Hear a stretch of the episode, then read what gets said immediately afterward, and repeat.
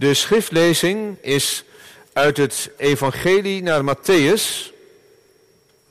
Dan lezen wij Matthäus 3, de versen 1 tot en met 17.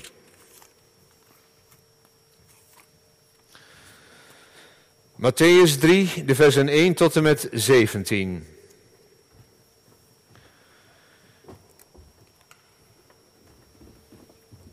In die dagen trad Johannes de Doper op en hij predikte in de woestijn van Judea.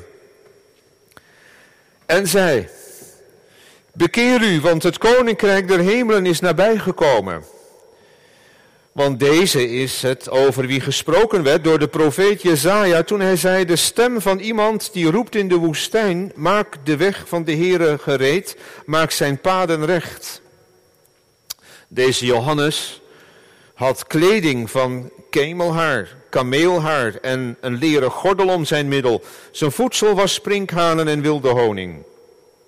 Toen liep Jeruzalem, heel Judea en heel het land rondom de Jordaan naar hem uit. En ze werden door hem gedoopt in de Jordaan, terwijl zij hun zonden beleden.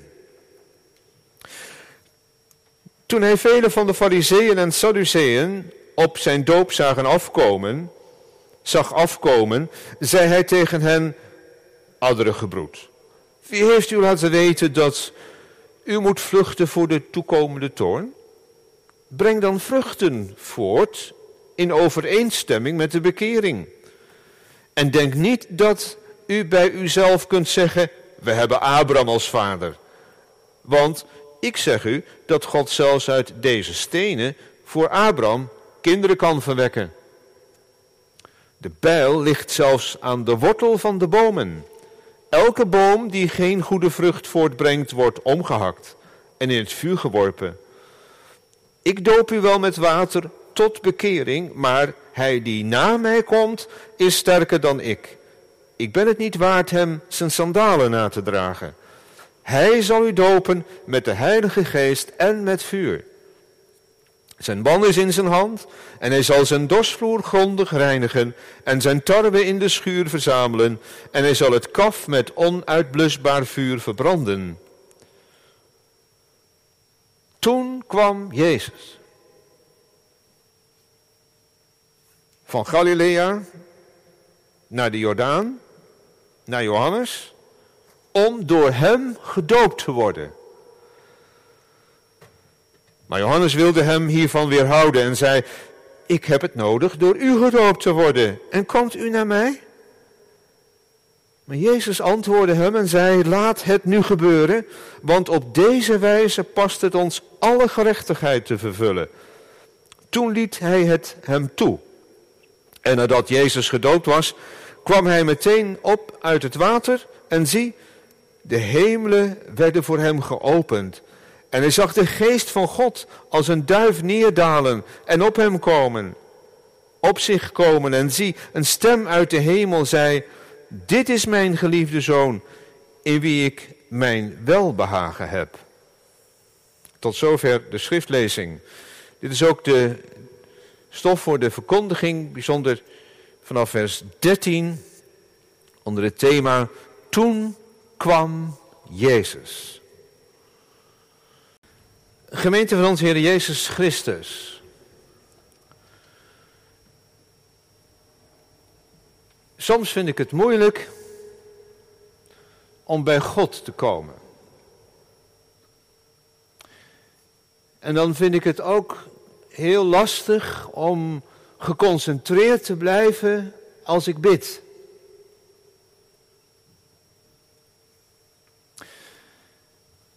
Ja, meestal gaat het wel goed, maar er zijn soms ook weken of misschien nog wel langer dat ik dat heel lastig vind. Bidden. Geconcentreerd blijven op God tijdens het bidden. Ik ben een beetje perfectionistisch. En ja, dan eh, probeer je alle dingen goed te doen. Maar dan heb je soms ook het gevoel dat dingen niet helemaal in orde zijn, niet lukken. En dat ook voor God. Zo las ik van Esther. Want wat ik net vertelde, dat heeft Esther geschreven. Esther is 16 jaar. En tenminste, zo schat ik dat ongeveer, 15, 16 jaar. En ze schreef dat in het uh, Tiener Meiden Magazine Huis van Bellen. Nou lees ik dat uh, niet zo uh, regelmatig, maar ik kwam dat zo tegen. Dat Esther zegt, ik vind het soms moeilijk om naar God te gaan. En als ik bid, dan, ja, dan lukt dat niet altijd zo. Esther schrijft over meer dingen, ook andere meiden schrijven in dat tienerblad over, ja, over girl power en over beauty en over lekker in je vel zitten en, en uh, over muziek en nou, allerlei onderwerpen. Maar ook over het geloof wordt er geschreven. En nou moet ik eerlijk zeggen dat ik dat wel herken, wat Esther schrijft, dat ze het soms moeilijk vindt om geconcentreerd te blijven als je bidt, om echt aan God te blijven denken. En misschien vinden jullie dat ook wel moeilijk. Ik wel. Hm?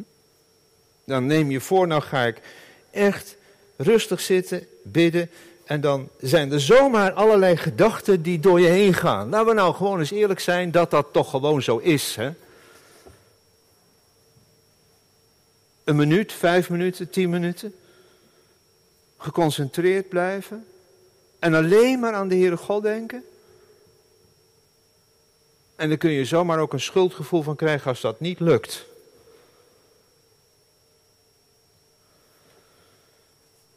Toen kwam Jezus. Nou, dat is een hele sprong. Waar komt die nou vandaan?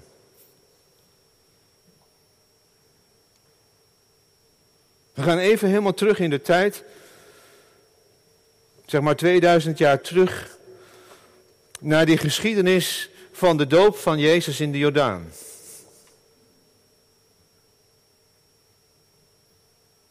Toen kwam Jezus. Eigenlijk staat er in het uh, oorspronkelijk in het Grieks, toen kwam hij langs. Hij kwam er langs lopen. Langs wat? Langs die mensen die daar bij de Jordaan stonden. Een hele grote groep mensen. Elke dag stonden daar weer mensen bij de Jordaan. Nou, wat grote groepen mensen zijn, dat weten wij natuurlijk zo langzamerhand wel. Met al die demonstraties van de afgelopen tijd tot gisteren aan toe en massa's mensen op de been. En, uh, en zo moet je ook zien, zo'n hele grote groep mensen, van allerlei mensen door elkaar, van allerlei lagen van de bevolking. Hoog opgeleid, laag opgeleid en van allerlei leeftijden stonden en kwamen daar bij elkaar bij die Jordaan. Ergens op een plek, Betabara wordt wel genoemd, een plek aan de overzijde van de Jordaan. Waar een zekere Johannes stond te preken en te dopen.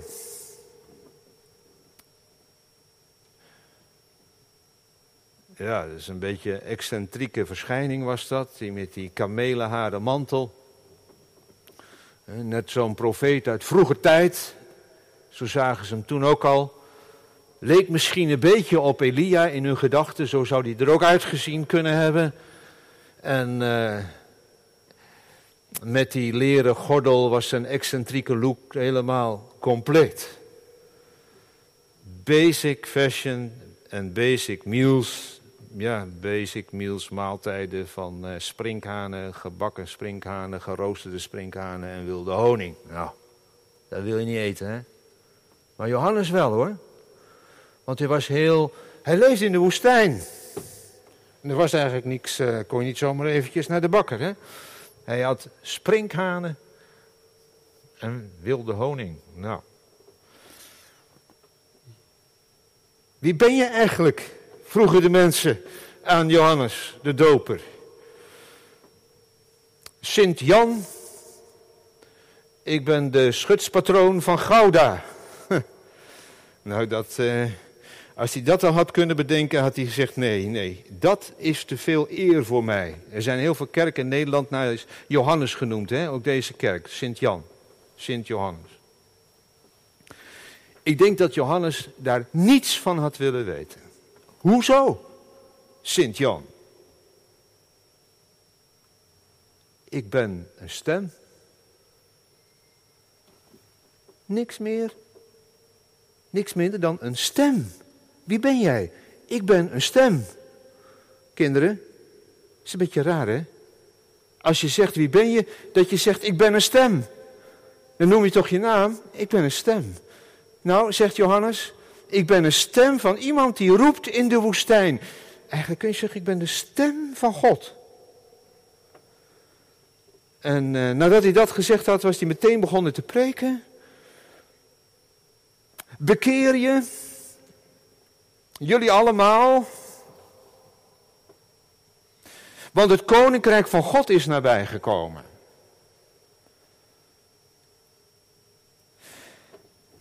Beleid je zonde.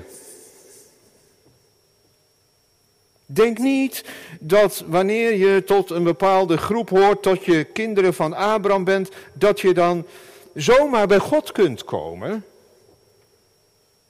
En nou zeg ik het allemaal maar even in mijn eigen woorden, wat Johannes heeft gepreekt. Want als jij geen vrucht voortbrengt die bij de bekering passen, dan ligt een bijl aan de voet, aan de wortel van de boom en dan kan die boom van je leven omgehakt worden. Als jij geen vrucht voortbrengt. En uh, ja, vrucht, uh, waar moet ik dan aan denken? Zouden de mensen hebben gedacht, nou in het Lucas-evangelie worden een paar dingen genoemd, ga ik allemaal niet nu benoemen, dat kun je nalezen in het Lucas-evangelie, maar ik noem één dingetje, één vrucht, dat je van het vele dat je zelf hebt ontvangen, deelt aan degene die niets hebben. Gerechtigheid doet. Vrucht. Ja. Bekeer je dus. Dat is de boodschap van Johannes. Van alle verkeerde dingen, alle dingen die je nalaat, alle dingen die scheef geknipt zijn in je leven. Nou ja, je weet toch zelf ook wel een beetje dat. Uh, nou, nou eerlijk zijn. Ik erbij. Dat er in je ziel toch van alles eh, opborrelt en oppopt soms. Dat je zegt: Oh, wacht even. Nee, dat wil ik liever niet denken en laat staan dat je het zegt. En als er iets ontglipt is in je boosheid of in je drift, iets gezegd hebt, een verkeerde reactie, dan zeg je na die tijd, sorry, had ik eigenlijk niet moeten zeggen. Maar het zit er wel, hè? Het zit er gewoon. Het zit er heel diep. En als je kind straks laat dopen, dan zeg je dat ook dat wij in zonde ontvangen en geboren zijn. En daar kan geen woord van af. Dan kun je de scherpe kantjes vanaf proberen te halen, maar dat is gewoon zo. Bekering, dat is omkeren naar God. En ben je er dan? Nee. Johannes zegt, ik kan jou niet, ook al ga je onder water in de Jordaan, jouw zonde vergeven. Want dat kan alleen die na mij komt. En dan wijst Johannes, doelt Johannes op die ander die hij voorafgaat, vooruitgaat, de Heer Jezus Christus, de Messias. En hij zal je komen dopen met de Heilige Geest en met vuur. En dan pas mag je weten en geloven dat je zonden vergeven zijn. Dat. Ja, hij komt, en dat zegt Johannes ook, met een wan, dat is een soort zeef, komt hij in zijn hand om die dorsvloer, dat wil zeggen de plek waar het tarwe uh, werd uh, verzameld en waar dat uit die aarde werd geslagen met een vlegel en waar dan kaf stond, om die dorsvloer te doorzuiveren, om het kaf en het koren daarop te gooien als het ware. En dan, ja, dat kaf dat verdwijnt dan, dat valt ergens anders neer en dat is voor om verbrand te worden. En het tarwe is voor om bewaard te worden. Het vuur of de schuur. Dat zijn de twee mogelijkheden. Het eeuwige ondergang, eeuwig verloren of eeuwig behouden. Dat is de prediking van Johannes. En ja, Je zegt, is dat nou basic? Is dat nou zo eenvoudig? Nee, dat is vlijmscherp.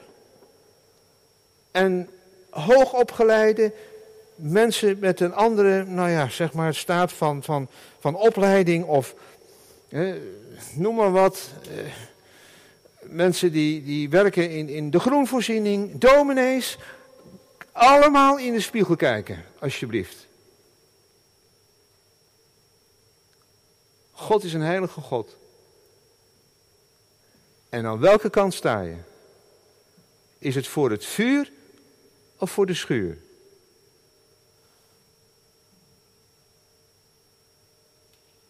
Toen kwam Jezus.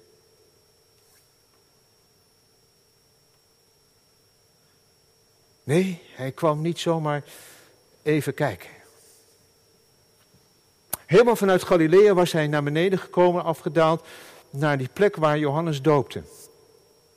En ik zie ze, die twee, hè, want het was familie van elkaar. Johannes, de doper en Jezus, dat waren achterneven, zeg maar. Ja. Maar goed, als twee Oosterse mannen, ik neem even aan dat ze gewoon elkaar gegroet hebben. En dat ging vroeger met die omhelzing en zo. En wat is dat? Dan zie ik ineens uh, zie ik een beetje eh, dat ze in discussie zijn. En het lijkt wel of ze niet met elkaar eens zijn. En ik hoor Johannes en ik hoor Jezus iets zeggen. En nee, nee, nee, nee. Eh, Johannes een beetje zo van, nee, dat ga ik niet doen. Maar uh, Jezus, uh, ja, ik wel. Ga je wel doen? Nee. En, en, nou, wat zegt Johannes dan? Laat me gewoon even lezen wat er staat. Toen kwam Jezus naar de Jordaan, naar Johannes, om door hem gedoopt te worden. Maar Johannes wilde hem hiervan weerhouden en zei: Ik heb nodig door u gedoopt te worden. Het moet andersom. Ja, waarom? Waarom, kinderen? Waarom moet andersom? Als je gedoopt wordt, dat betekent dat je zonde afgewassen moet worden. Was de Heer Jezus zondig? Nee, natuurlijk niet. En daarom snap ik wel Johannes dat hij zegt, ja maar als je gedoopt wordt, dan moet je, hè, dan moet je je zonde beleiden en dan word je gedoopt tot bekering, maar dat heb u niet nodig. Ik wel, zegt Johannes, maar u niet. Nou, zegt Jezus, doe het toch maar. Doe het wel. Laat het nu gebeuren.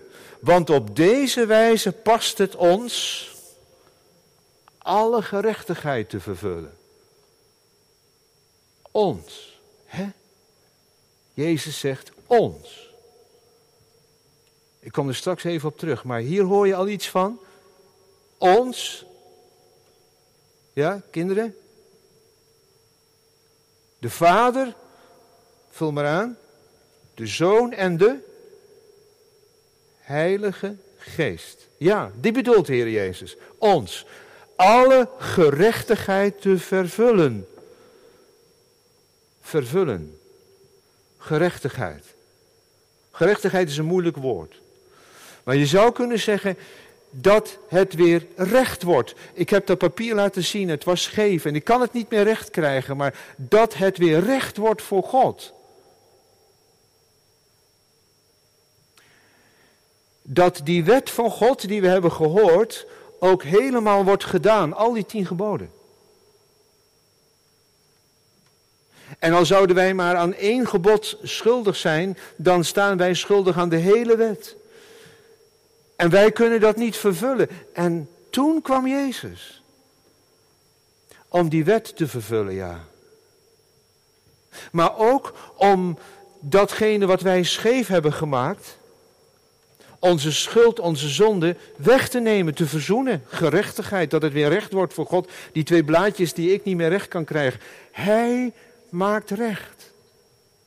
Vergeeft. Heelt. Jezus is zijn naam. De Heer redt. Maar er is nog meer in het woord gerechtigheid. Ik noemde twee dingen. De wet van God vervullen, helemaal doen. En ook de zonde, de overtredingen van de wet, de straf die wij erop verdienen dragen. Maar er is nog een derde. Dat we ook de dingen voor elkaar goed doen. Zoals Johannes had gespreekt over dat wat jij te veel hebt en wat jij dubbel hebt, het door aan de armen. Dat die ook recht wordt gedaan. Gerechtigheid. En zo is zo heel veel in de wereld aan gerechtigheid te doen. He, uh, denk eens even aan een heel mooi dingetje dat jij, waar je heel zuinig op bent. En uh, dat wil je toch niet weggeven, hè? Maar als je er nou twee van hebt. Denk eens over na. Dat ook kinderen die niks hebben, recht hebben ook op spullen hè? en op eten, drinken. Gerechtigheid doen. Dat laat de Heer Jezus zien, dat hij daarvoor ook gekomen is om dat ook te vervullen, om dat te gaan doen. Maar er is nog een vierde. En dat is misschien niet helemaal zo, zo bekend. Maar dat gerechtigheid vervullen is ook dat hij al die mensen die onrecht hebben gedaan, die, die moordenaars, van die oorlogsmisdadigers. En als je even terugkijkt trouwens, hè, dat is wel iets van uh, heel bijzonder, dat dit hoofdstuk, als je dezelfde bladspiegel nog in de Bijbel kijkt, gaat over die kindermoord in Bethlehem. Dat de kinderen vermoord zijn in Bethlehem door Herodes. En dat er zoveel verschrikkelijke dingen gebeuren in de wereld. En denk aan die kinderen in, in, in de kampen, in Auschwitz en andere. En Herodes en Hitler. En wat is nou gerechtigheid vervullen? Dat hij ook die kwaad, dat kwaad en dat oordeel zal straffen en dat hij ze moorden zal leren. En dat de Heer Jezus ook daarvoor gekomen is. Om alle vijanden van God voor eeuwig te straffen. Dat ook, gerechtigheid. De wet vervullen, onze zonde dragen, recht doen voor elkaar en ook de goddelozen straffen. Dat is het Bijbels getuigenis. En daarvoor kom ik, zegt Jezus. Ja, maar nee, duw mij maar onder water. Laat mij maar sterven. Wat? Sterven? Ja. Als Jezus ondergaat in de Jordaan, dan is het alsof hij verdrinkt. Alsof hij sterft. En dan zie je als het ware al in de verte het kruis. Maar als hij opstaat en weer uit het water opkomt, dan zie je een nieuw mens, Jezus. Hij is opgestaan uit de dood. Uh, raam of glas 15 in het koor. Kun je straks nog eens kijken. Dan zie je dat beeld van Jezus uit de Jordaan. En daar staat Johannes. En die ligt aan de voeten van Jezus. Jezus is de Jordaan ingegaan. Jezus is de dood ingegaan. Om alle gerechtigheid te vervullen. En nou mag je komen. Ben je er nog bij? Waar komen? Nou, bij deze Jezus. Met je kind. Persoonlijk ook. Ja, maar weet ik dat dan wel zeker? Ja, want daar zie ik die duif. Die duif die als het ware ja, in de gedaante van die duif dat de Heilige Geest op de Heer Jezus kwam toen hij opgestaan was uit het water. En die stem uit de hemel klonk, Hij is het mijn zoon, mijn geliefde zoon, in wie ik mijn welbehagen heb. De doop in de Jordaan was het begin van de bediening van Jezus. Zo is hij de Christus geworden, gezalfd met de Heilige Geest. En de Vader heeft gezegd, dit is mijn zoon. En daarom weet je zeker, er is maar één weg. Dat is Jezus. Eén weg tot behoud. Niet het vuur, maar de schuur. Niet eeuwig ondergaan, maar eeuwig behoud. Door Hem. Want ik ben ondergegaan voor jou in het water. Ik ben opgestaan. En toen ik onderging, ging jij onder. En toen ik opstond, stond jij op. Ja, geloof je dat? Zo staat het verder in het Nieuwe Testament. Met Hem gekruisigd en met Hem opgestaan. En het is de Heilige Geest die dat geloof werkt. Dat je dat ook gaat beleiden. Ik ben gedoopt. En dat teken van de doop wijst daarop, ik ben met hem gestorven. Ik ben met hem ondergegaan en ben met hem opgestaan tot een nieuw leven. Vertel dat aan je kinderen. Onderwijzen. Vertellen en praten. Twee dingen. Praat met je kinderen. Dat is luisteren naar hun vragen en ook vertellen. Wat vertellen? Nou, dit verhaal. Andere verhalen uit de Bijbel. Vertellen helpt de kinderen om ook meer vertrouwen in je te krijgen als ouders. Dat jij vertelt wat jij hebt ervaren. En het kan hierover gaan. Bijbelse verhalen, die kun je voorlezen, maar dus ook navertellen. Gewoon zelf. Maar ook vertellen van uh, als je aan het wandelen bent. Kijk eens hoe mooi, de schepping van God. En je wijst die kinderen hier en daar op. Je vertelt ze wat je zelf hebt ervaren. Je getuigt. Jezus Christus, Hij is ondergegaan in het water. Hij is opgestaan uit het water. En Hij wil dat jij, vader, moeder, daarvan getuigt. Getuigen, dat kan met woorden. Het kan soms ook met een knuffel. Hoezo?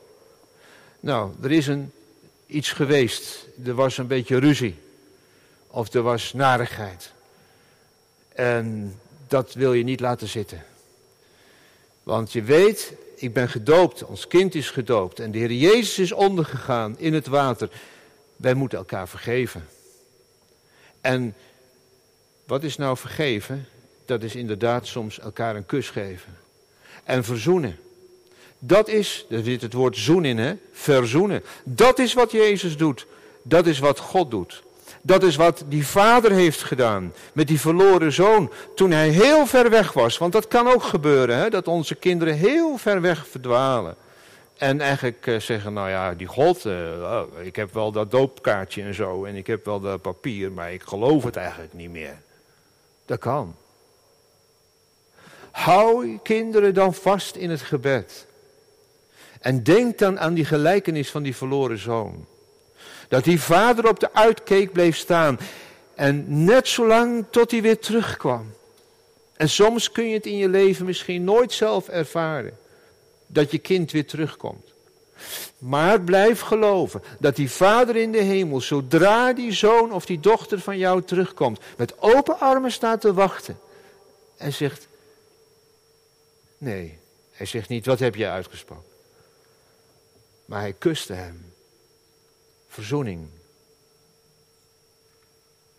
Dat is God. En dat is de doop. En zo wil Hij er ook voor jullie zijn. Voor jou. Voor jou persoonlijk. Voor Esther, als je het soms moeilijk hebt met bidden. Voor jou, als kind, Irana.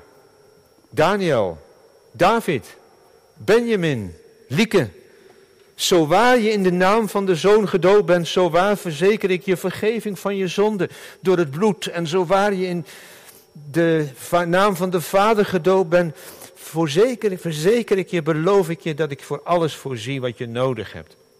En zo waar je in de Heilige Geest de naam gedoopt bent, verzeker ik je dat je alles wat je in Christus hebt ook aan jou zal geven.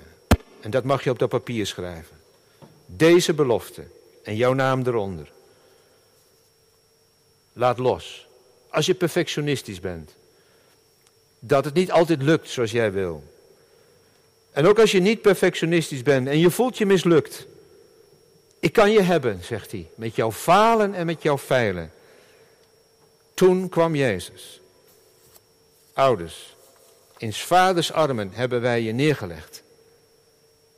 En jou ons kind, aan Hem in liefde opgedragen. De namen die wij gaven, worden uitgezegd. Om daarbij voor jou om Gods teken te vragen. Het levenswater wordt straks over je hoofd gevloeid. En jij bent door vader de Zoon en de Geest, tezamen verbonden. Dit water van de doop heeft jou voorgoed ontboeid. Het wast je leven schoon van alle zonden. En voortaan mag je in dit teken verder gaan. Hij zal zich over jou ontfermen. Hij zal het licht zijn dat er schijnt in jouw bestaan. En ook wat er in jouw leven komen kan, beschermen. Amen.